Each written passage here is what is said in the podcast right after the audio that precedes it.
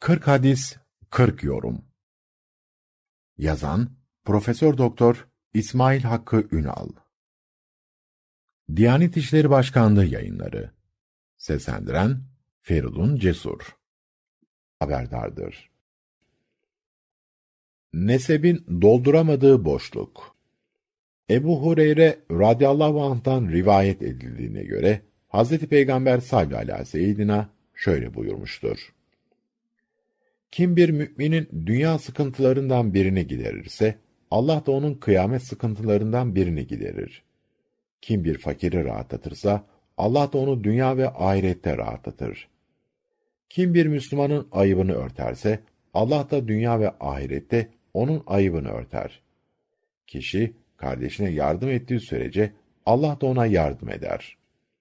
Kim ilim elde etmek için bir yola girerse, Allah ona cennetin yolunu kolaylaştırır. Allah'ın evlerinden birinde toplanıp da Allah'ın kitabını okuyan ve aralarında müzakere eden kimselerin üzerine huzur iner, onları rahmet kaplar, melekler onları kuşatır ve Allah kendi yanındakilerin, meleklerin içinde onları anar.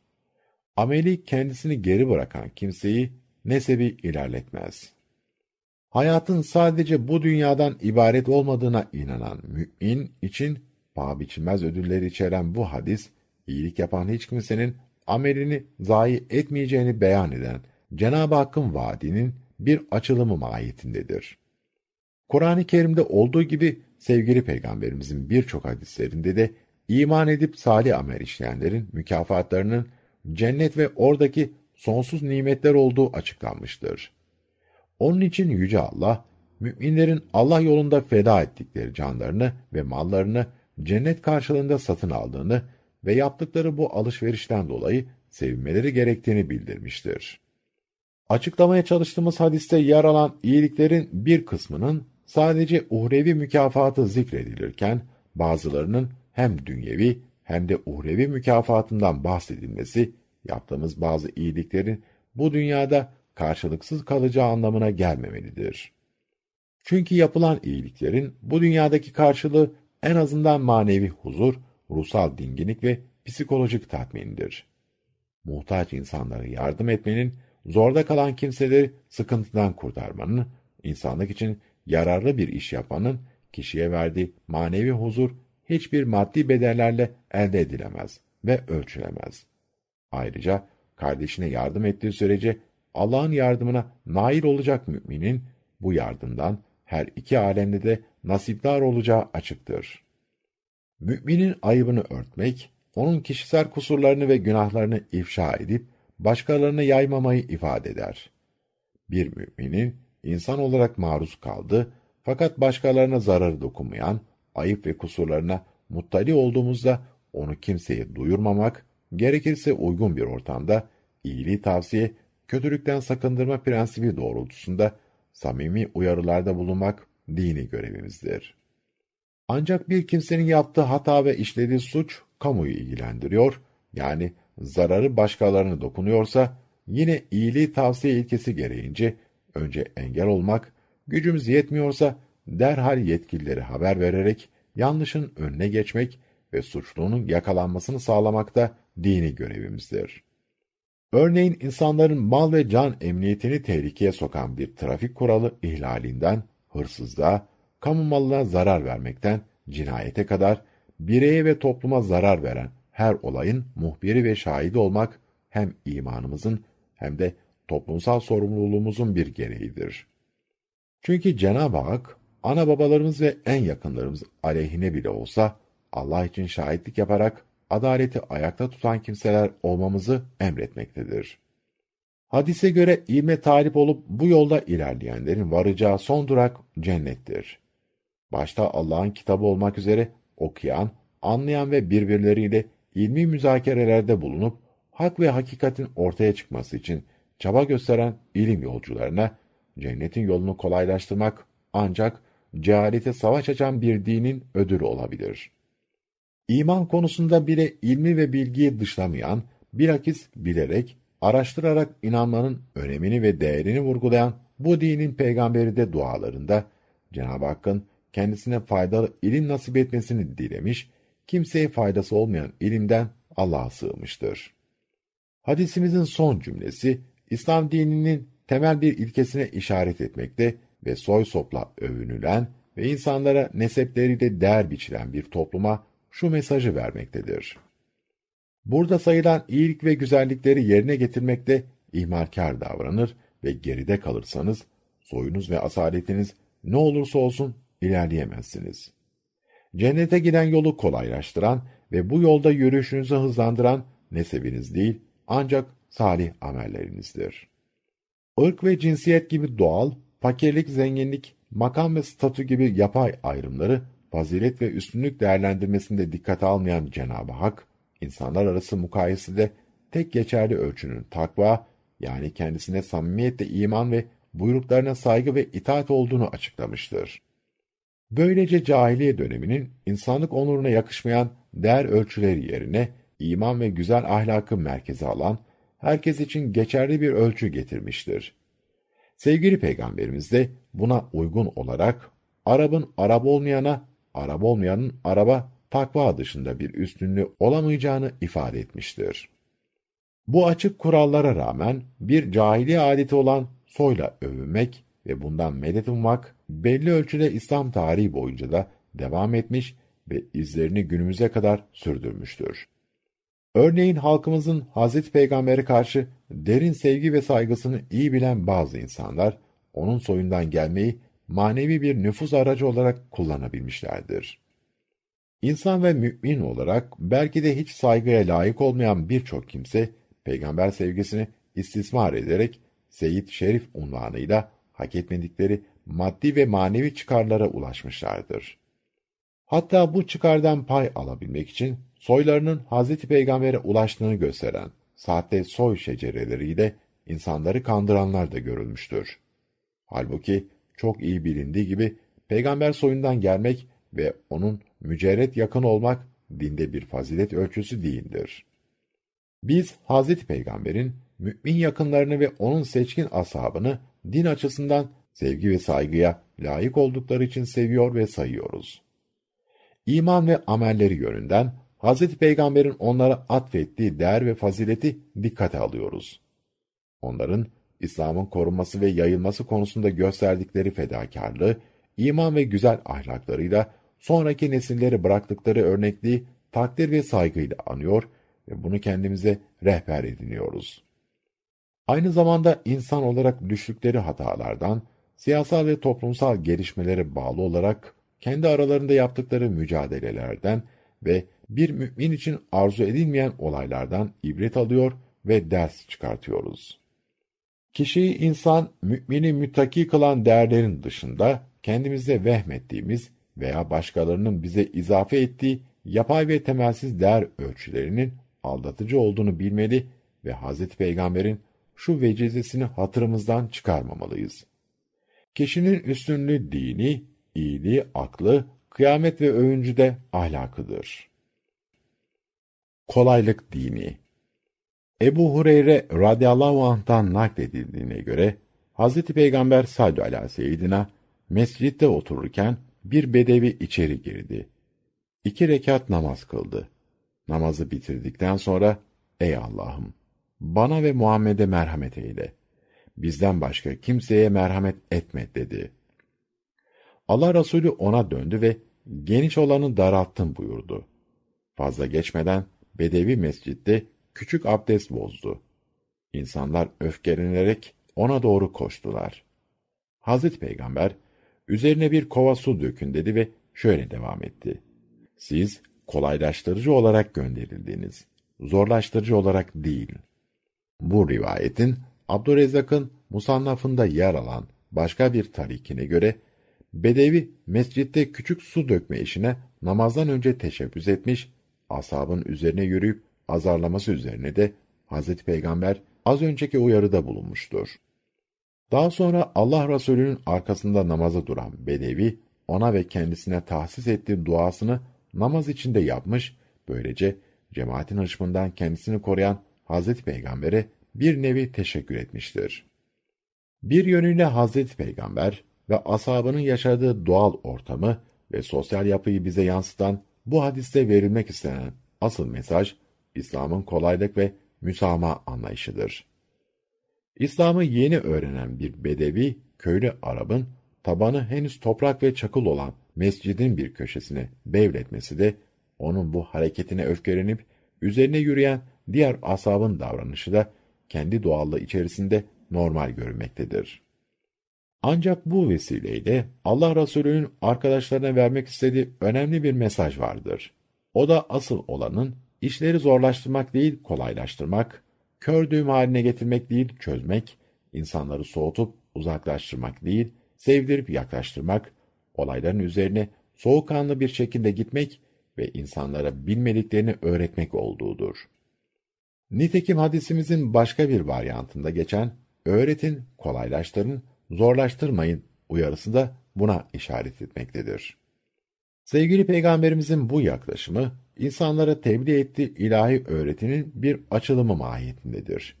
Bilindiği gibi Cenab-ı Hak, oruç ibadetinden bahsettiği ayetlerde, hasta ve yolcu olanların oruçlarını erteleyebileceklerini bildirdikten sonra, Allah size kolaylık diler, zorluk dilemez buyurmuştur. Hac suresinin 78. ayetinde de o sizi seçti ve dinde üzerinize hiçbir güçlük yüklemedi buyurmaktadır. Fetih suresinin savaştan bahseden ayetlerinde ise amaya, topala ve hastaya güçlük olmadığı vurgulanarak bunların savaşa katılmak zorunda olmadıkları belirtilmiştir. Bir kimseyi ancak gücünün yettiği şeyle sorumlu kılan, unutur veya hata edersek bizi sorumlu tutma, bize güç yetiremeyeceğimiz yük yükleme duasını öğreten bir yaratıcının hiçbir buyruğunda zorluğa ve zorlamaya yer olmayacağı aşikardır. İnsanlara dünya ve ahiret mutluluğu vaat eden, inanıp inanmama tercihini onlara bırakan ve dinde zorlama olmayacağını bildiren bu dinin müntesiplerini zora ve sıkıntıya sokacağı düşünülemez. Bununla insani ve İslami erdemlerin hayata geçirilişinde karşılaşılan nefsani zorlukların kastedildiği sanılmamalıdır. Şüphesiz kendimizi düşündüğümüz gibi başkalarını da düşünebilmek, nefsimize hoş gelse bile her türlü gayrimeşru işten uzak kalabilmek, bir yandan başkalarının haklarına riayet ederken, diğer yandan helalinden kazanmanın titizliği içinde olmak bize, nefsimize ağır gelen bazı zorluklar yüklese de, bunlar bir Müslümanın yüksünmeden, hatta zevkle üstleneceği zorluklardır. Açıklamasını yaptığımız hadis bağlamında, Söz konusu olan şey zorlaştırmadır. Yaptığı işin yanlışlığını bilmeyen bir bedeviyi dövüp kapı dışarı atmak, muhtemelen onun hatasını görmesini zorlaştıracak, belki de İslam olan ilgisi ve sevgisini azaltacaktır. Onun için sevgili Peygamberimiz, kolaylaştırınız, zorlaştırmayınız talimatı öncesinde öğretiniz uyarısını eklemiş, Bedeviye de oranın namaz için yapılmış bir mekan olduğunu ve bevledilemeyeceğini söylemiştir. Bu bağlamda üzerinde durulması gereken diğer bir hususta bizatihi dinin zorlaştırılmasıdır. Dinin koyucusu ve uygulayıcısı, dini hayatta herhangi bir zorluk öngörmemişken, bazı insanlar daha dindarane bir hayat adına çeşitli ibadetler ihdas etmişler ve adeta dini sadece bir takım ritüellerden ibaret bir olguya indirgemişlerdir. Bu yüzden farklı gün ve gecelerde her rekatında belirli sayılara bağlanmış tesbihat ve kıraatlerin yer aldığı yüzlerce rekatlık namazlar uydurma hadis mecmualarında yer almaktadır. Tam olarak yerine getirildiği düşünülecek olsa, uykusuz geçirilecek günlerin ve haftaların bile yetmeyeceği bu uydurma ibadetler, sanki insanları dinden soğutmanın ve uzaklaştırmanın bir başka yolu gibi görünmektedir. Namazı sevdirmek adına menkıbe kitaplarından bazı İslam büyüklerine atfen nakledilen asılsız örneklerde teşvik edici değil, tam tersine caydırıcı bir etki doğurmaktadır. Örneğin Ebu Hanife'nin 45 sene boyunca bir abdestte 5 vakit namaz kıldı, Kabe içinde kıldı, 2 rekatlık namazda Kur'an'ı hatmettiği rivayetleri böyledir.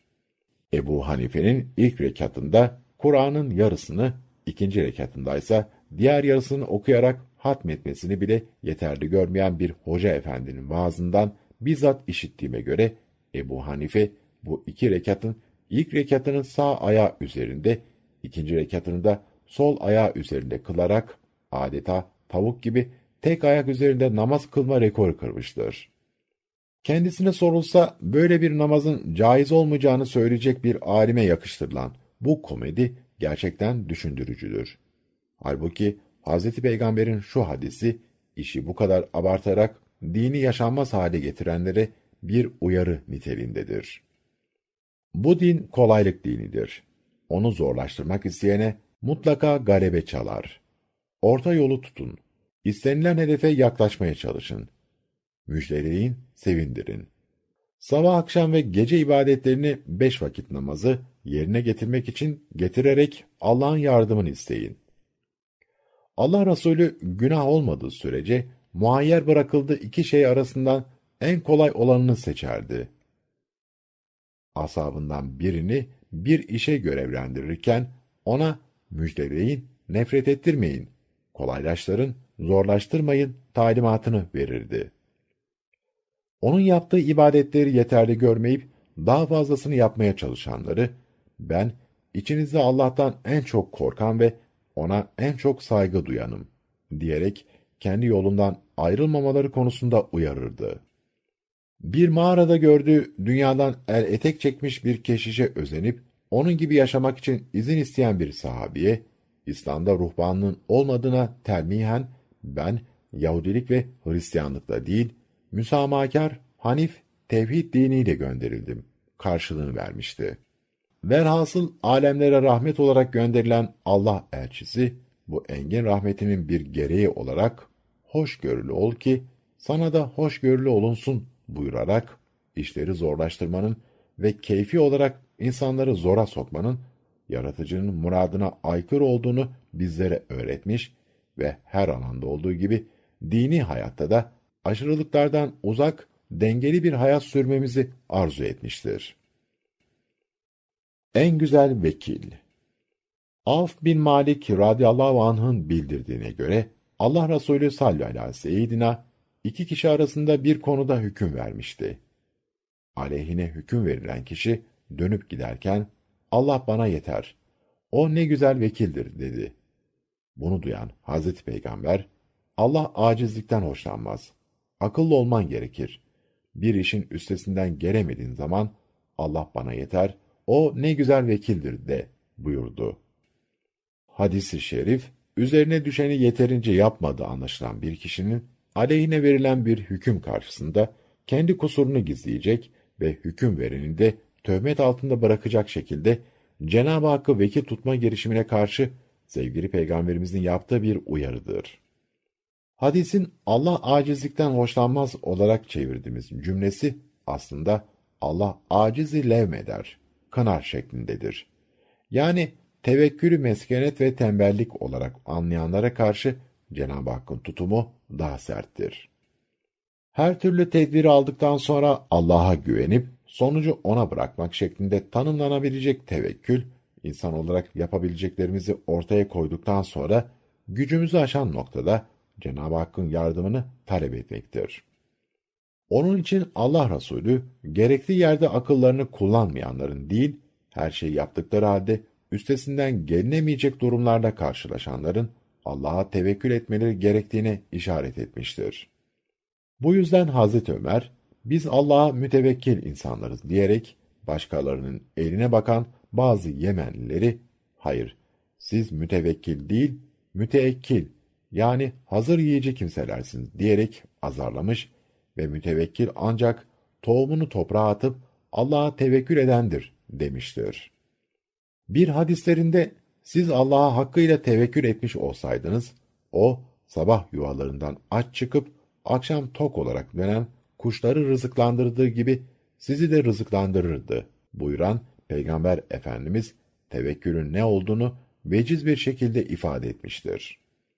Yuvalarında kalarak hazır yiyecek beklemeyen ve her gün karınlarını doyurmak için kilometrelerce yol kat ederek akşam tok olarak yuvalarına dönen kuşlar doğal olarak Allah'a hakkıyla tevekkül etmelerinin karşılığını almaktadırlar.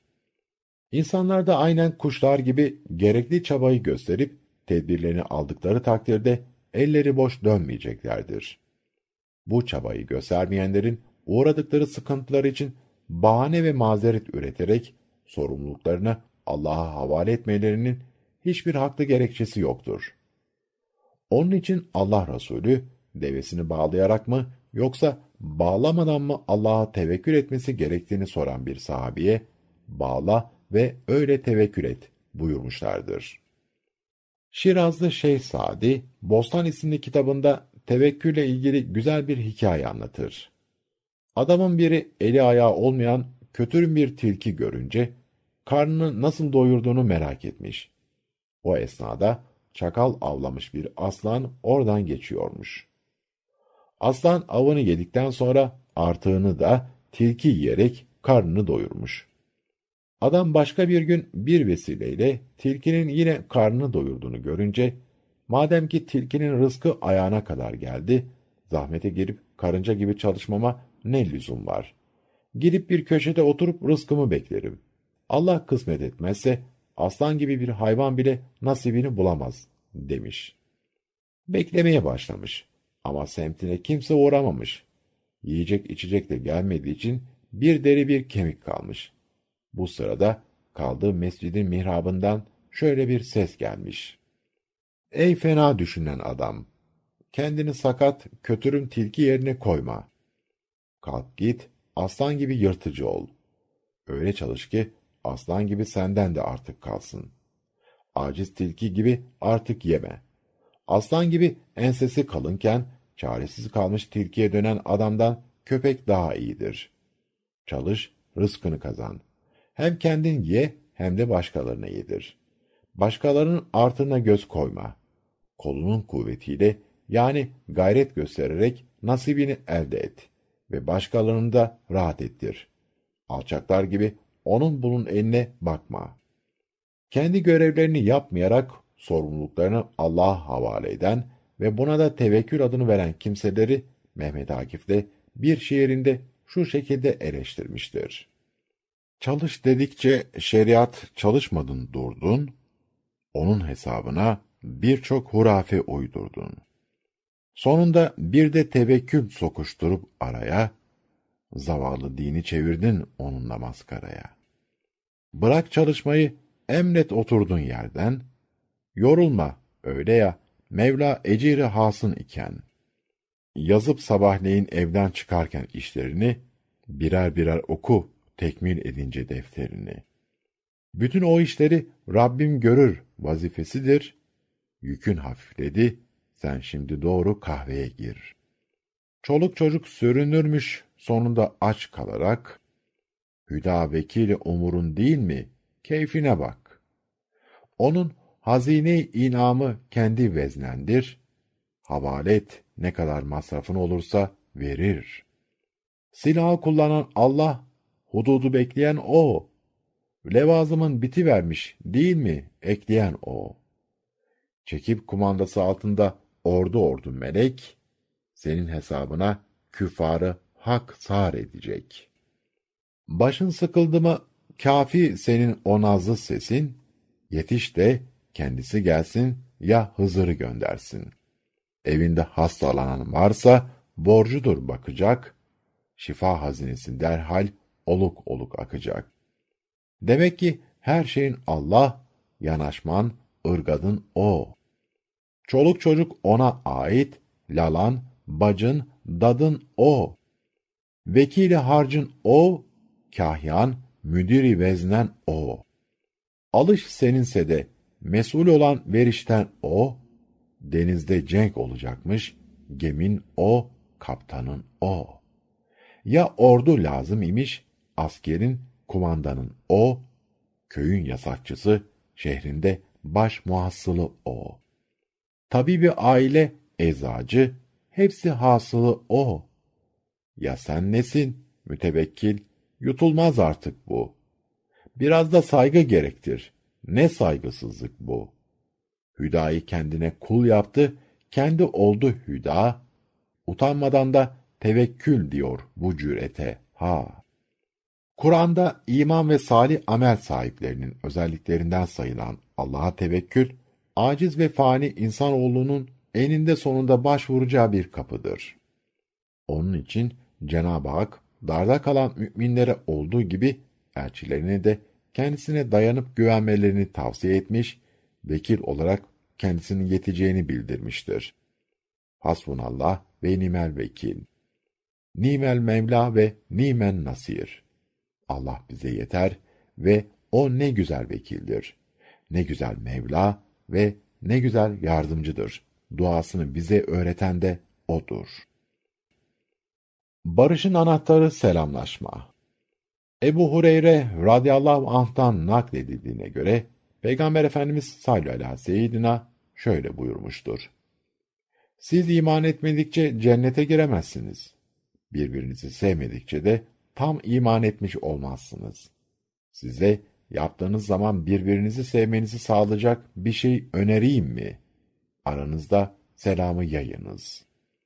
Arapçada barış, esenlik ve selamet gibi anlamlara gelen selam kelimesi, Kur'an'ın nazil olduğu dönemde Arap toplumunun birbirleriyle selamlaşmada kullandıkları temel bir kavramdı.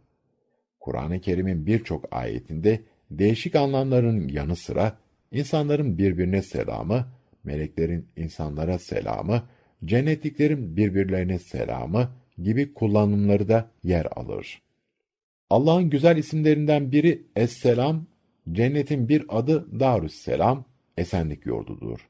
Bir rivayete göre Allah Hazreti Adem'i yarattığı zaman meleklere selam vermesini ve onların vereceği karşılığı dinlemesini emretmiş, akabinde de işte bu senin ve soyundan geleceklerin selamıdır demişti. Hazreti Adem'in Esselamu Aleyküm'üne karşılık melekler Aleykesselam ve Rahmetullah şeklinde karşılık vermişlerdi.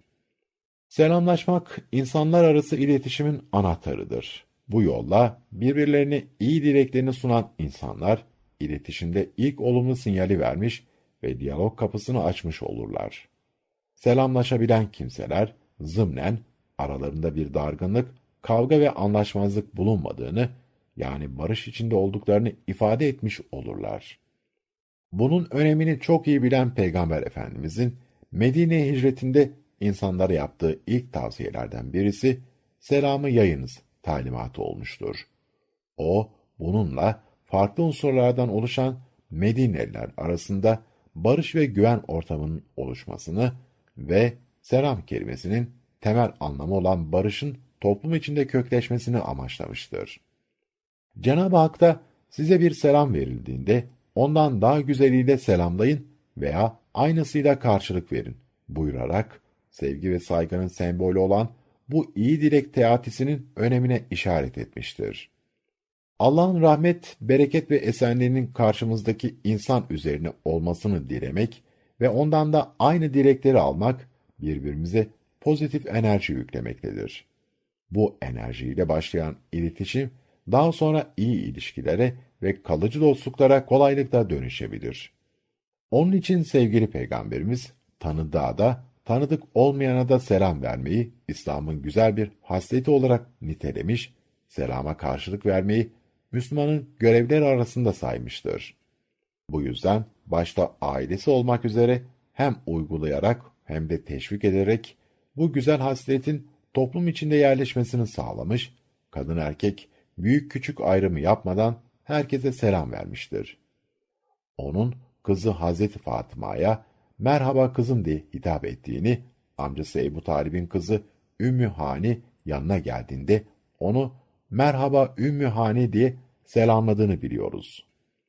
Enes bin Malik'in bildirdiğine göre Hazreti Peygamber oyun oynayan çocukların yanından geçerken onlara selam vermiş, Esma binti Yezid'in haberine göre de kendisini de içinde bulunduğu kadınlar topluluğuna uğradığında onları selamlamıştır. Yaşayanların yanı sıra kabir ziyaretlerinde ölülere de selam vererek Allah'ın rahmet ve esenliğinin onlar üzerine olmasını dilemiştir.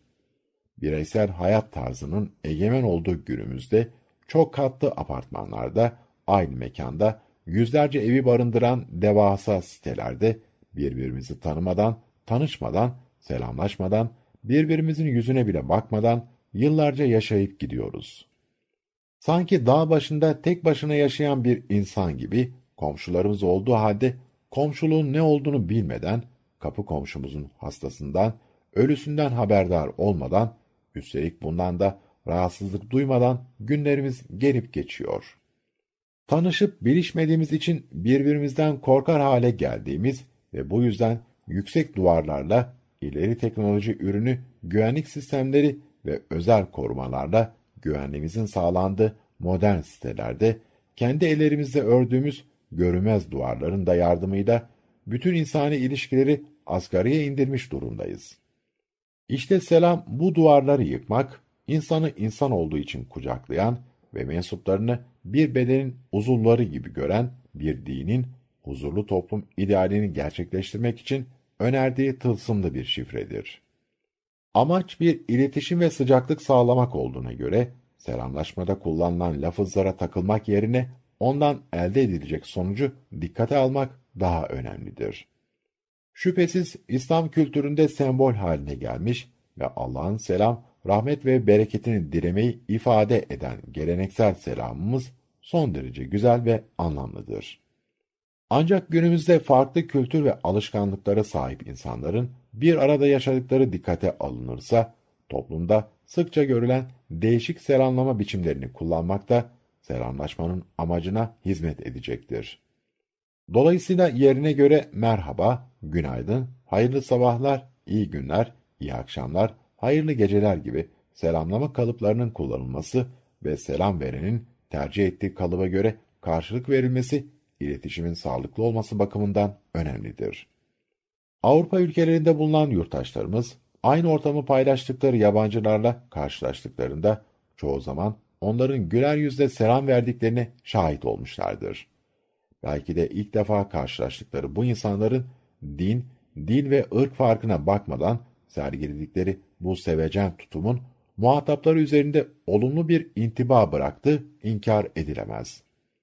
İşte sevgili peygamberimiz de muhatap üzerinde doğurduğu bu olumlu etkiden dolayı selamlaşmayı teşvik etmiş, selamı önce verenin faziletine işaret ederek insanları karşı güler yüz göstermeyi sadaka olarak değerlendirmiştir. İnsanların birbirlerini sevmeleri ancak birbirlerini tanımalarıyla mümkündür. Kişi bilmediğinin düşmanıdır sözü bunun için söylenmiştir. Tanımak için iletişim kurmak gerekir. İletişimin kapısı da selamla açılır. Allah elçisinin ifadesiyle insanların birbirlerini sevebilmelerinin yolu buradan geçer ve kişilerin Allah için birbirlerini sevmeleri de imanlarının bir göstergesidir. Karşılıklı sevgi ve saygı ise anlaşmazlıkların ve düşmanlıkların panzehiridir. O halde selamlaşma barışın anahtarıdır. Barış Peygamberi Mekke fethini gerçekleştiren Allah Resulü sallallahu aleyhi ve seyyidina, Kabe kapısının önünde yaptığı konuşmanın sonunda Mekkelilere şu soruyu yöneltti. Ey Kureyş topluluğu! Size ne yapacağımı düşünüyorsunuz? Onlar, sadece hayır bekliyoruz. Çünkü sen iyi bir kardeşsin ve iyi bir kardeş çocuğusun dediler. Allah Resulü, gidin, hepiniz serbestsiniz buyurdu. Bu tablo sekiz yıl önce hemşehrilerinin ölüm tehdidi altında arkadaşı Hazreti Ebubekir'le birlikte masum bir şekilde terk ettiği ata yurduna muzafferen dönen bir peygamberin düşmanlarına karşı gösterdiği âli cenap tavrın bir ifadesidir. Mekke'de kendisine ve arkadaşlarına 13 yıl boyunca reva görülen her türlü düşmanlığa rağmen neredeyse ansızın yakalayıp teslim aldığı bir şehir halkından taş üstünde taş, gövde üstünde baş bırakmayacak şekilde intikam alma imkanı varken buna başvurmayan, üstelik engin merhametiyle yapılanları affedip faillerini serbest bırakan Allah Resulü'nün bu tutumu ancak onun bir barış peygamberi olmasıyla açıklanabilir. Sadece Mekke'nin fethi sürecini dikkatlice izlemek bile Hazreti Peygamber'in hayatı boyunca takip ettiği barışçı tutumunu başka hiçbir örneğe ihtiyaç hissettirmeyecek şekilde gözler önüne serecektir. Bilindiği gibi Allah Resulü Mekke üzerine yürüme niyetini son ana kadar gizli tutmuş, eşleri dahil en yakın arkadaşlarına bile bu fikrini açmamıştı. Allah'tan dileği de beldelerine varıncaya kadar Kureyş'in bu işten haberinin olmamasıydı. Onun için bu gizliliği ihlal eden her girişime engel olmuş, örneğin bazı işaretlerden hareketle böyle bir seferin olabileceğini tahmin eden ve Mekke'deki akrabalarını korumak isteyen sahabi Hatip bin Ebu Beltea'nın bir kadın aracılığıyla mektup gönderme teşebbüsüne mani olmuştu. Keşif birlikleri göndererek casusluk faaliyetlerini engellemişti. Mekke yakınlarındaki Meruz Zahran'da konaklayan 10 bin civarındaki askerinin her birine geceleyin ateş yaktırarak muazzam bir ordu karşısında olduklarını düşünüp morali bozulacak düşmanın karşı koyma ihtimalini zayıflatmak istemişti.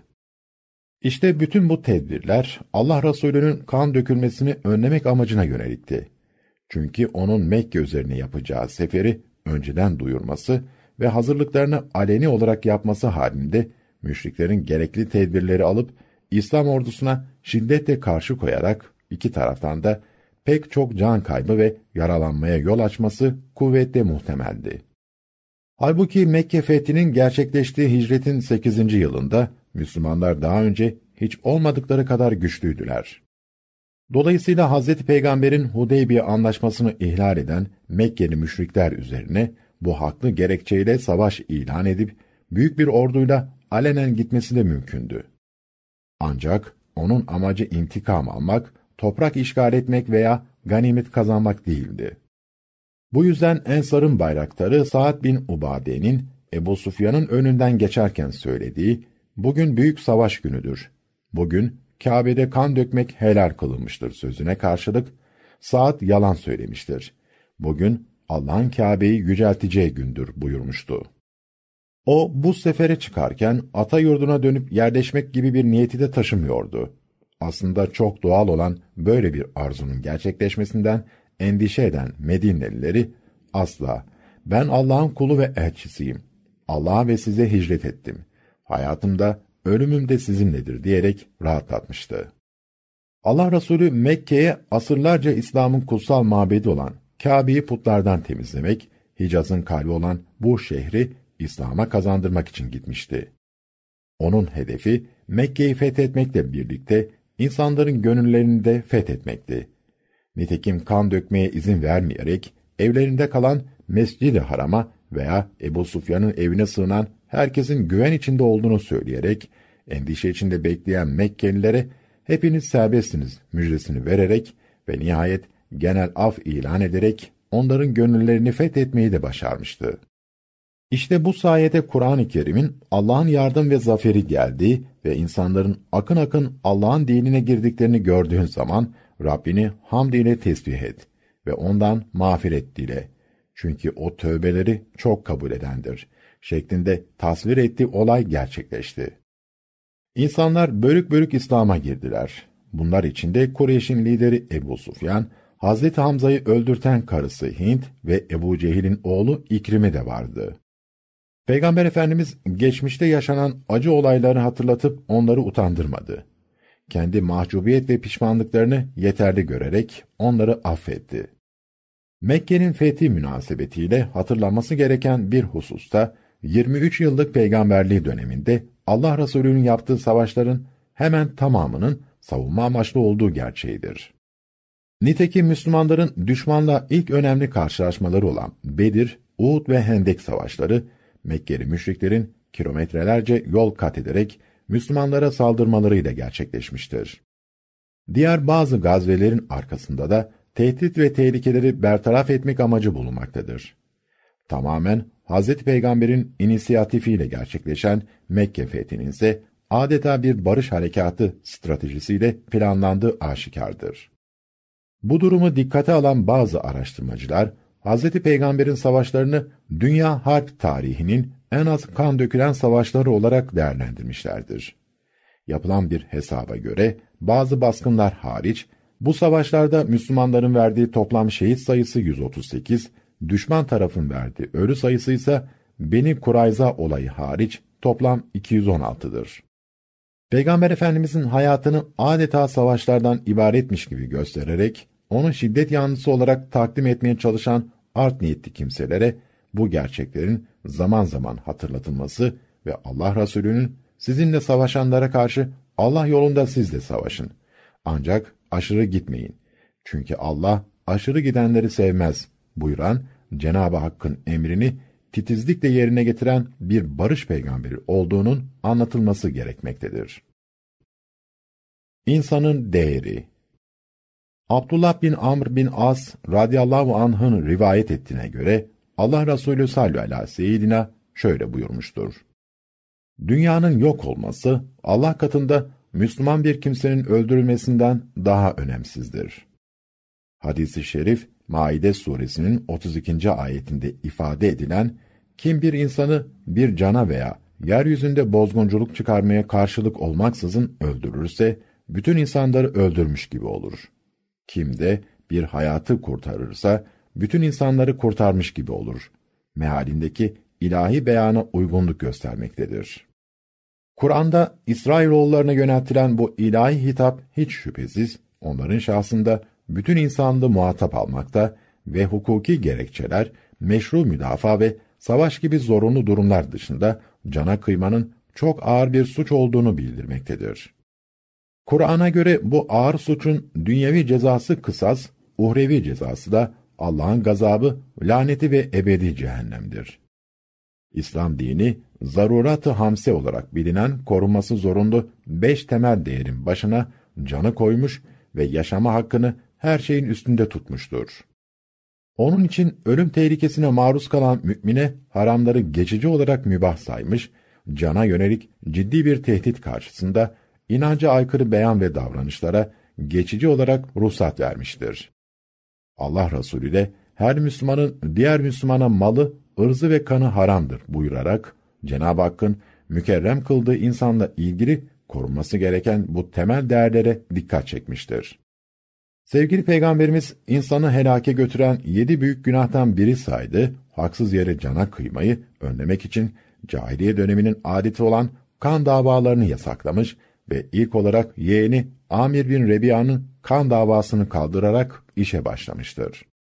Kardeşini öldürerek cana kıyma fiilinin ilk örneğini veren Hazreti Adem'in oğlunun bu kötü çığırı açmasından dolayı sonra gelen her katilin günahından hissedar olduğunu belirterek insanları bu acımasız eylemden sakındırmak istemiştir.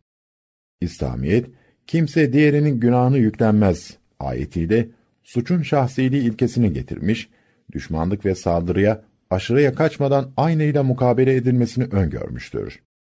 Mağdurun suçluyu bizzat cezalandırması yerine cezanın kamu otoritesince verilmesi ilkesini benimsemiştir. Bunlar bir bakıma cahiliyeden medeniyete geçişin göstergeleridir.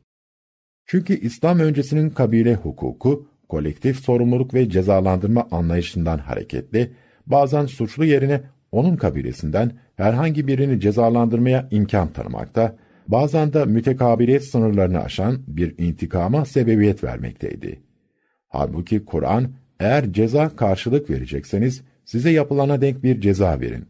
Şayet sabredersiniz bu, sabredenler için daha hayırlıdır. Buyurarak, cezanın dışında sabretmek ve sonucu Allah'a havale etmek gibi bir seçeneğin bulunduğuna da işaret etmektedir. Bugün ülkemizde yaşanan bazı olaylar, ne yazık ki 14 asır önce tanıştığımız bu medeniyetin değiştirmeye çalıştığı cahiliye zihniyetini hatırlatacak türdendir. Dinimizin yasakladığı kan davası, bazı yörelerimizde hala ısrarla sürdürülmekte, çoluk çocuk, kadın erkek demeden onlarca kişi acımasızca katledilebilmektedir. Ancak farklı ulus ve dinlere mensup insanlar arasında görülebilecek düşmanlık ve çatışmaları aratmayacak sahneler, aynı dine mensup, hatta birbirleriyle akraba olan kişiler arasında cereyan etmekte, Allah'a ve hesap gününe inanan bir mümin için tasavvur edilemeyecek vahşetler sergilenmektedir. Namus temizleme adına mağdurlar cezalandırılmakta, berdel ve beşik kertmesi gibi cahiliye töreleri uğruna nice hayaller yıkılmakta, intiharlar ve cinayetler işlenmektedir. Eski kabile yapılarını andıran aşiret sistemi, insanların iradesini yok saydığı için, yüzlerce insanın hayatını etkileyecek her türlü karar bir veya birkaç kişinin iradesine bırakılmaktadır. Bu örnekler yanı sıra, ülkemizin her köşesinden hemen her gün gözlerimizin önüne serilen onlarca cinayet, gazp, hırsızlık ve tecavüz olayları, tamamına yakını Müslüman olan toplumumuzun ciddi bir değerler erozyonuna maruz kaldığını göstermektedir. Başka bir deyişle, inandığımız din, toplumsal ilişkilerimizde belirleyici bir unsur olmaktan hızla uzaklaşmakta, İslam'ın hedefi olan ahlaki erdemlerle donanmış mümin yerine, muhafazakar ve dindar görünümlü, niteliksiz bir kalabalık egemen hale gelmektedir. Dolayısıyla ailemizde, komşularımızda, akrabalarımızda, arkadaşlarımızda velhasıl toplumun her kesimiyle kurduğumuz ilişkilerde saygı, sevgi, hoşgörü, af, şefkat, merhamet, nezaket, yardımlaşma gibi inancımızdan kaynaklanan değerlerin yerini basit çıkar ilişkileri almaktadır. Müslüman kimliğimizin ne ifade ettiğini biliyor ve bunun bizim için bir ayrıcalık olduğunu düşünüyorsak, İslam'ın hayatımızın her kesitine rengini veren bir din olduğunu unutmamalıyız. Kur'an'ın öğretisini ve onu bize tebliğ eden Allah Resulü'nün hayat tarzını içselleştirmeden iyi bir Müslüman olunamayacağının farkında olmalıyız. Dindarlığımızın göstergesi olan ahlaki meziyetlerimizin bireysel alandan çok toplumsal alanda tezahürünün çok daha anlamlı ve önemli olduğunu bilmeliyiz. Başkalarıyla paylaşılmayan değerlerin, onlara yansıtılmayan ahlaki erdemlerin söylem düzeyinden öteye geçemeyeceğini dikkate almalıyız. Ahlak güzelliğine sahip olmayan bir müminin imani olgunluğa erişemeyeceğini bildiren Peygamber Efendimizin sesine kulak vermeliyiz. Velhasıl öfkeyi yenip insanları affetmeyi mütakilerin özelliklerinden sayan Cenab-ı Hakk'ın maruz kaldığı onca düşmanlığa rağmen öç ve intikam peşinde koşmayan ve müminleri Kur'an'ın hedef gösterdiği kardeşliğe çağıran Allah Resulü'nün talimatlarını hem cinslerimize karşı davranışımızda rehber edinmeliyiz. İnsan onuru ırz. Ebu Hureyre radıyallahu anh'tan nakledildiğine göre Allah Resulü sallallahu aleyhi seyyidina şöyle buyurmuştur. Müslümanın Müslümana malı, ırzı ve kanı haram dokunulmazdır. Müslüman kardeşini hor görmesi kişiye şer olarak yeter. Hadiste insanlar arası ilişkilerde saygı gösterilmesi gereken üç temel unsur zikredilmiştir. Can, mal ve ırz olarak belirtilen bu temel değerler, neredeyse insana ait maddi manevi varlık alanının bütününe tekabül etmektedir. Allah'ın insana bahşettiği bir hayat, o hayatın idamesi için sahip olunan mal ve insanı insan yapan değerleri temsil eden ırz. Can ve mal maddi boyuta işaret ederken, ırz insanın manevi kişiliğine işaret etmektedir. Bu hadiste üzerinde en çok durulması gereken ırz kelimesinin Arapçadaki temel anlamı nefstir. Beden ve haset gibi anlamları da bu manayı pekiştirmektedir. Kısaca ırzı insanın kendisi yani ruh ve beden bütünlüğünün oluşturduğu kişiliği olarak tanımlayabiliriz. Nakıyul ırz yani ırz temizliği tabiri Arapçada insanın kişilik olarak ayıplardan, kusurlardan arınmış olduğunu ifade eder. Sevgili Peygamberimiz, kişinin saygın ve dokunulmaz değerleri arasında can ve malın yanı sıra ırzı da sayarak insanın manevi kişiliğinin, onur, şeref ve haysiyetinin de en az diğerleri kadar önemli olduğunu ve korunması gerektiğini belirtmiştir. Onun için veda hutbesinde kanlarınız, mallarınız ve ırzlarınız, şu gününüz Arefe günü, hac ibadetinin yapıldığı şu ayınız ve şu beldeniz Mekke gibi saygındır, dokunulmazdır.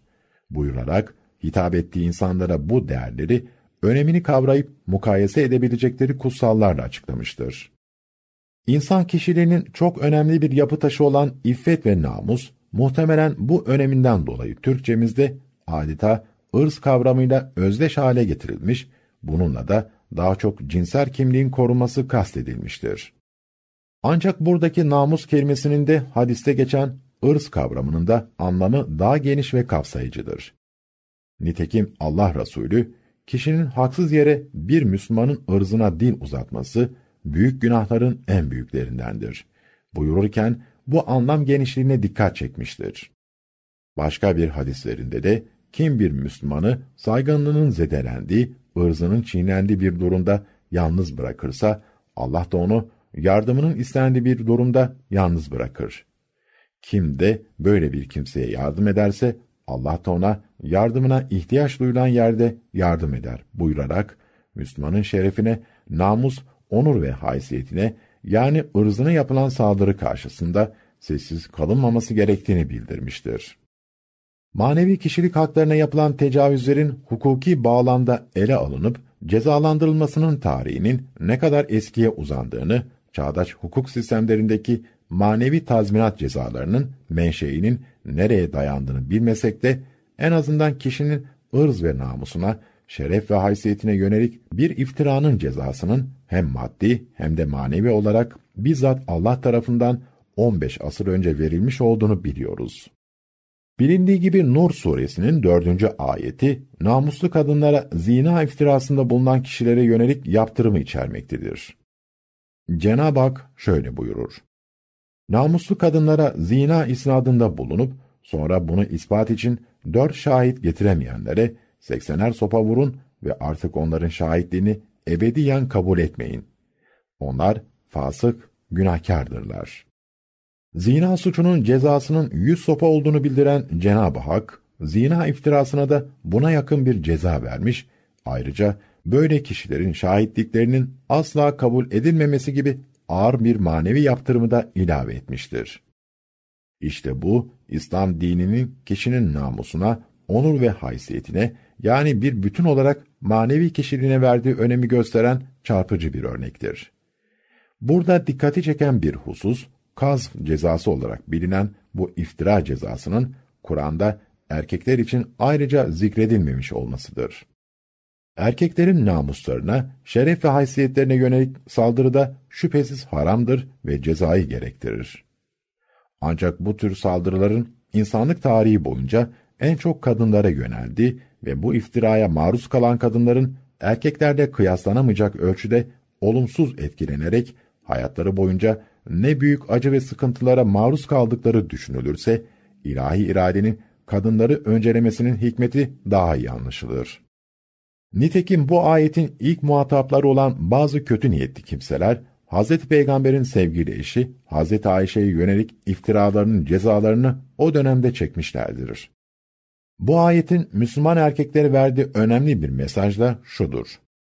Siz erkekler, kılığına, kıyafetine, dış görünüşüne bakarak hakkında kesin bilgilere sahip olmadığınız kadınlar hakkında olumsuz değerlendirme ve nitelendirmelerde bulunmayın. Onların iffeti ve namusuna yönelik ağzınızda kolayca geri veren ve çoğu zaman kullanmakta sakınca görmediğiniz yakıştırmalardan uzak durun. Şaka bile olsa bu yakıştırmaların o kadınların psikolojisinde ne büyük sarsıntılara yol açtığını düşünün.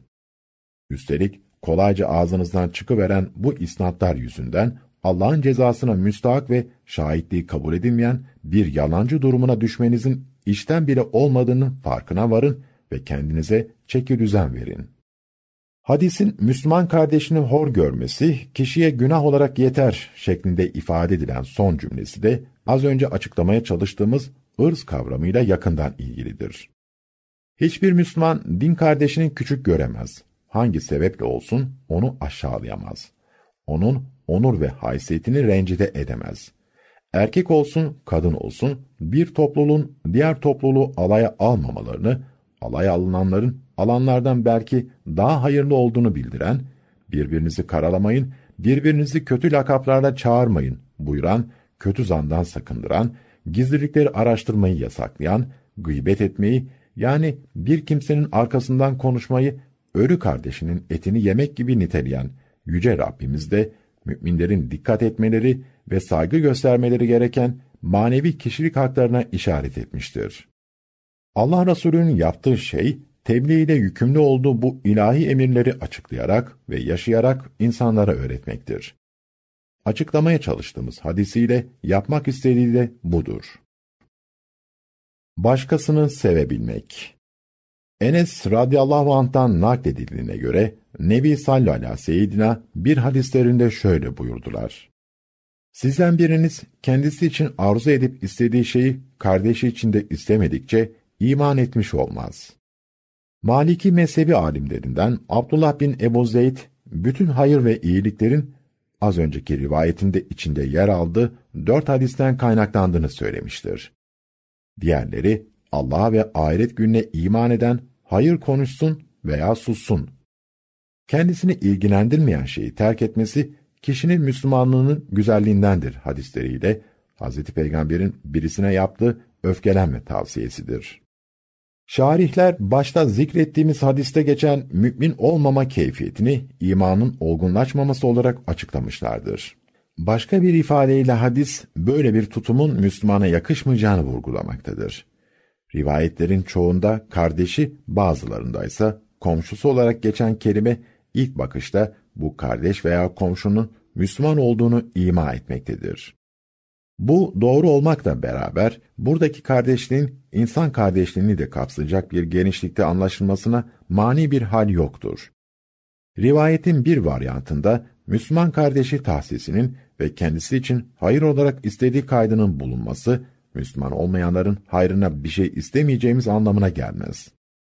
Mesela onların hidayete erip doğru yolu bulmalarını dilememiz, onlar adına isteyeceğimiz en büyük hayırdır. Düşmanlık, zulüm ve haksızlık yapmadıkları sürece onlar için de iyilikler ve güzellikler dilemek, Müslümanın geniş gönlüne bir yük getirmeyecektir. İnsanları Allah için sevmeyi, kendisi için istediğini, başkaları için de istemeyi imanın gereklerinden sayan başka bir din ve öğreti acaba var mıdır? Günümüzde kişinin kendisini karşısındakinin yerine koyarak onun duygularını anlayabilme yeteneği şeklinde tanımlanan empati kavramı hadiste ifade edilen manayı karşılamakta kanaatimce yetersizdir. Örneğin acı çeken insanın elemini ya da yoksul bir kimsenin sıkıntısını empati yoluyla anlamaya çalışacaksınız. Bunu başarabilir ve nihayet yardım etme isteği duyarsanız ona elinizi uzatacaksınız. Halbuki sevgili peygamberimiz, insanın kendisi için isteyebileceği bütün güzellikleri ve hayırları kardeşi için de peşinden dilemeyi, kendisinin sakınıp çekindiği bütün kötülüklerden onun da uzak olmasını arzu etmeyi imanın bir gereği sayarak kendisi ve başkası ayrımını adeta ortadan kaldırmıştır. Onun bu öğretisi Mekke'den Medine'ye hicret sonrasında Ensar'ın muhacirlere gösterdiği davranış biçimiyle zirve noktasına ulaşmış ve Cenab-ı Hakk'ın övgüsüne mazhar olan bu tutum, gerektiğinde başkasını kendisine tercih etme anlayışı olarak İslam ahlakının şaikasını oluşturmuştur. Müminleri bazen bir binanın tuğlaları, bazen bir bedenin uzunları gibi niteleyen Peygamber Efendimiz, onları birbirlerine destek veren, birbirlerinin dertleriyle dertlenen duyarlı bir toplum haline getirmeyi amaçlamıştır. Hodgamlık, bencillik yerine diğer gamlığı, başkalarını düşünmeyi, israf ve cimrilik yerine infak ve tasadduku, kabile asabiyeti yerine İslam kardeşliği ve dayanışmasını ikame ederek, karşılıklı sevgi, saygı ve yardımlaşmanın egemen olduğu bir ümmet oluşturmak istemiştir. Kur'an'ın ifadesiyle bu ümmet, Allah'a iman eden, birbirlerine iyiliği tavsiye eden, kötülükten sakındıran, insanlık için çıkarılmış hayırlı bir ümmettir. Peygamber Efendimiz sevgilerin açığa vurulmasını tavsiye ederek, sevgi ve mutluluğun paylaşıldıkça çoğalacağı gerçeğini de işaret etmiştir. Bir hadislerinde bir kimse kardeşini seviyorsa, sevdiğini o kimseye haber versin buyurmuştur. Enes bin Malik'in naklettiği bir hadise göre, Hazreti Peygamber'in huzuruna gelen birisi, oradan ayrılmakta olan bir kişi için, ''Ya Resulallah, ben bu adamı seviyorum.'' demiş, Hazreti Peygamber'in bunu ona bildirdin mi sorusuna, hayır cevabını verince, Peygamberimiz, öyleyse bildir buyurmuştur. Bunun üzerine adam oradan ayrılan kişiye yetişerek, ben seni Allah için seviyorum demiş, o da, beni uğrunda sevdiğin Allah da seni sevsin diye dua etmiştir. Sevginin Allah için olması, kişiyi herhangi bir dünyevi çıkar beklentisi için değil, Allah katında sevilmeye layık nitelikleri sahip olduğu için sevmek anlamını taşır. Bir kimseye buz etmek, yani onu sevmemekte ancak Allah için olabilir. Böylece sevgi ve nefretimizin ölçüsü kişiden kişiye ve günden güne değişen göreceli değerler yerine hiçbir zaman değişmeyecek sağlam bir ilkeye bağlanmış olur. Bu ilke İslam kültüründe el hubbu lillah vel buzu lillah yani Allah için sevgi, Allah için nefret şeklinde formüle edilmiştir. Bunun kaynağı kim Allah için sever, Allah için buğz eder, Allah için verir, Allah için men ederse imanı olgunluğa ermiştir hadisidir. Bu hadis aynı zamanda Müslümanın hem cinsleriyle ilişkisinde sadece nefsani duygularla hareket etmesine mani olan bir çerçeve oluşturmaktadır. Bütün aşırılıklarda olduğu gibi sevgi ve nefrette aşırıya gitmek de hoş karşılanmamıştır. Hz. Ali'ye atfedilen şu söz bunu çok güzel ifade etmektedir. Sevdiğini dengeli sev. Gün gelir düşmanın olur. Kızdığına dengeli kız. Gün gelir dostun olur. Allah için sevmek, Allah için buğz etmek, kendimizin olduğu gibi başkalarının da iyiliğini ve hayrını dilemek, bize bulaşmasını istemediğimiz kötülükleri başkasına da reva görmemek, İslam dinini bize öğrettiği yüce ahlaki erdemlerdir. İşte Cenab-ı Hakk'ın birbirlerinin dostu olarak tavsif ettiği müminler topluluğunu, bu ahlaki güzellikleri nefislerinde toplayan Müslümanlar oluşturacaktır. Çocuk sevgisi Ebu Katade el-Ensari radıyallahu anh anlatıyor. Biz mescitte oturmuş namazı bekliyorken, Resulullah sallallahu aleyhi ve seyyidina, omuzunda kızı Zeynep'ten torunu Ümame binti Ebil As bin Errebi ile birlikte çıka geldi. O omuzunda olduğu halde tekbir alıp namaza durdu. Rükûa giderken yere koyuyor, kalkarken tekrar omuzuna alıyordu. Bu şekilde namazını tamamladı. Sevgili Peygamberimizin kızı Zeynep'ten olan kız torunu Ümame'ye karşı sevgisini yansıtan bu davranışı istisnai bir olay değildir. Onun Hazreti Fatıma'dan olan diğer torunları Hazreti Hasan ve Hazreti Hüseyin de aynı sevgi tezahürüne defalarca şahit olmuşlardır. Sahabi Şeddat bin Elhad'ın anlattığına göre bir öğle veya ikindi namazında Hazreti Hasan veya Hazreti Hüseyin'den biri kucağında olduğu halde cemaatin önüne geçen Hazreti Peygamber çocuğu yere koyarak namaza başlamış, secde esnasında sırtına binen torununu kendiliğinden inmesini beklediği için secdeyi uzatmıştı. Ne olduğunu merak edip kafasını kaldıran Şeddat, Allah Resulü'nün sırtında çocuğu görünce tekrar secdesine döndü. Namazın sonunda uzun secdenin Resulullah'ın başına gelen bir işten veya ona gelen bir vahiden kaynaklandığı düşüncesiyle sebebini öğrenmek isteyen cemaate Peygamber Efendimiz hiçbiri değil. Oğlum beni binek yaptı, işini bitirmeden acele etmeyi hoş görmedim karşılığını verdi. Diğer bir rivayete göre de bir gün torunu Hazreti Hüseyin'i omuzunda taşıdığını gören birisi, ''Ey çocuk, bineğin ne güzel'' diye seslenince Allah Resulü o da ne güzel binici diyerek mukabelede bulundu. Alemlere rahmet olarak gönderilen Allah elçisi, bir yandan insanları rahmet kaynağı olan İslam dinine çağırırken, diğer yandan şefkat ve merhamet kanatlarını onlar üzerine germiş, temizlik ve masumiyetin simgesi olan çocuklara da ayrı bir ilgi ve sevgi göstermiştir. Kaynaklardan öğrendiğimize göre onun bu sevgisi torunlarıyla sınırlı değildir. Örneğin bir defasında hanım sahabilerden Ümmü Kays binti Mihsan'ın henüz süt emme çağında olan çocuğunu kucağına aldığında çocuğun bir azizliğiyle karşılaşmış, bunu önemsemeyen Hazreti Peygamber biraz su isteyerek gerekli temizliği yapmakla yetinmişti.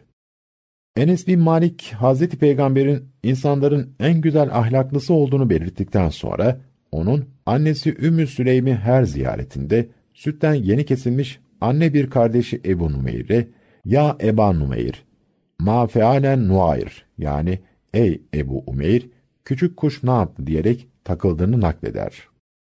Nuayr, Ebu Umeyr'in oynamayı çok sevdiği serçe büyüklüğünde bir kuştur. Çocuk sevgisi, Cenab-ı Hakk'ın bütün canlılarla birlikte insan fıtratına da koyduğu doğal bir duygudur. Bu duyguyla canlı türleri hayatta kalmakta, insan neslinin devamlılığı sağlanmaktadır. Bu sevgi ve himaye duygusu olmadan korunmaya muhtaç yavrulara kimsenin ilgi göstermeyeceği, dolayısıyla belki bir gün bile yaşama şansına sahip olamayacakları açıktır. Bu Cenab-ı Hakk'ın yaratma hikmetine uygun bir kanunudur. Ana babanın çocuklarına doğal olarak gösterdikleri bu ilginin daha sonra çocukları tarafından kendilerine aynı doğallıkta gösterilemediği de bir gerçektir. Onun için bazı yorumcular Kur'an'da ana babaya gösterilmesi gereken saygı ve hizmete çokça atıfta bulunulmasının ve onlara karşı yapılan saygısızlığın haram kılınmasının sebebini açıklarken bu gerekçeyi de dile getirmişlerdir. Yaratıcının insan fıtratına koyduğu bu yüce duyguya rağmen o fıtrata yabancılaşmış bazı kimselerin koruyup gözetmeleri gereken yavrularından kız olanlarını çeşitli gerekçelerle diri diri toprağa gömerek yok ettiklerini Kur'an bize haber vermekte ve bunları şiddetle kınamaktadır. Bu çirkin ve vahşi uygulamaya şahit olan bir cemaatin önünde kız torununu omuzuna alarak namaz kıldıran bir peygamberin vermek istediği mesaj ne kadar anlamlıdır. Sevgili peygamberimizin çocuklara gösterdiği sıcak ilgi ve şefkat, zor şartlar altında hayatlarını sürdüren sert mizaçlı bazı bedevilerin şaşkınlığına yol açmıştır. Ebu Hureyre'nin bildirdiğine göre bir gün Akra bin Habis et-Temimi, torunu Hazreti Hasan'ı öperken gördüğü Resulullah'a hayrette karşılık şu itirafta bulundu. Benim on tane çocuğum var, hiçbirisini öpmedim. Allah Resulü ona doğru baktı ve şöyle söyledi. Merhamet etmeyene merhamet olunmaz. Diğer bir rivayette ise siz çocuklarınızı öpüyor musunuz? Biz öpmeyiz şeklinde şaşkınlığını ifade eden bir bedeviye Hazreti Peygamber Allah kalbinden merhameti çekip almışsa ben ne yapabilirim karşılığını verdi. Çocuklara karşı bu denli sevgi ve şefkat dolu bir peygamberin ümmeti olarak bugün hangi durumda olduğumuzun bir muhasebesini yapmak zorundayız. Ülkemizde halen cahili Arapları gibi çocuklarının çokluğuyla övünen fakat birkaç hanımından olan onlarca çocuğunun adlarını bile bilmeyen insanlarımızın sayısı az değildir. Müslüman olan bu insanların yolunda olduklarını söyledikleri peygamberlerini gerçekten tanıdıkları ise şüphelidir. Şekli bir sevgi gösterisinden bile mahrum böyle ebeveynlerden, çocuklarının maddi ve manevi gelişimine destek verip, onları topluma yararlı, iyi birer insan olarak yetiştirmelerini beklemek hayaldir. İşte bu yüzden hiçbir baba çocuğuna güzel terbiyeden daha iyi bir şey bağışlayamaz. Hadisi gereğince, özellikle çocuklarımızın manevi gelişimini sağlayacak ve değer dünyalarını zenginleştirecek kalıcı bir miras bırakmadıkça, onları gerçekten sevdiğimizi iddia edemeyiz. Kendi günahlarımız için çocuklarımızı feda etmekte günümüzün ayrı bir toplumsal yarası haline gelmiştir. Neredeyse her gün eşini ve çocuklarını öldürdükten sonra intihar eden kişilerin haberleri basında yer almaktadır. Ya geçim sıkıntısından veya namus meselesinden ya da basit bir tartışmanın alevlenmesinden kaynaklanan aile facialarında sanki baş sorumlular çocuklarmış gibi eline silahı alan için en kolay hedef beşiğinde veya yatağında uyan masum bebekler ve çocuklar olmaktadır. Yeri geldiğinde onları korumak için canımızı bile vermeyi göze aldığımız bu yavruları gözümüz kırpmadan öldürtecek kadar bizi canavarlaştıran nedir? Bunun üzerinde düşünelim ve yapılan yanlışların faturasını onlara çıkartmayalım. Kendi günahlarımız için bu çocuklara kıymayalım. Nesebinden şüphelensek de bizden sonra kimlerin elinde kalır diye endişelensek de bu günahsız yavruları vehimlerimize kurban etmeyelim.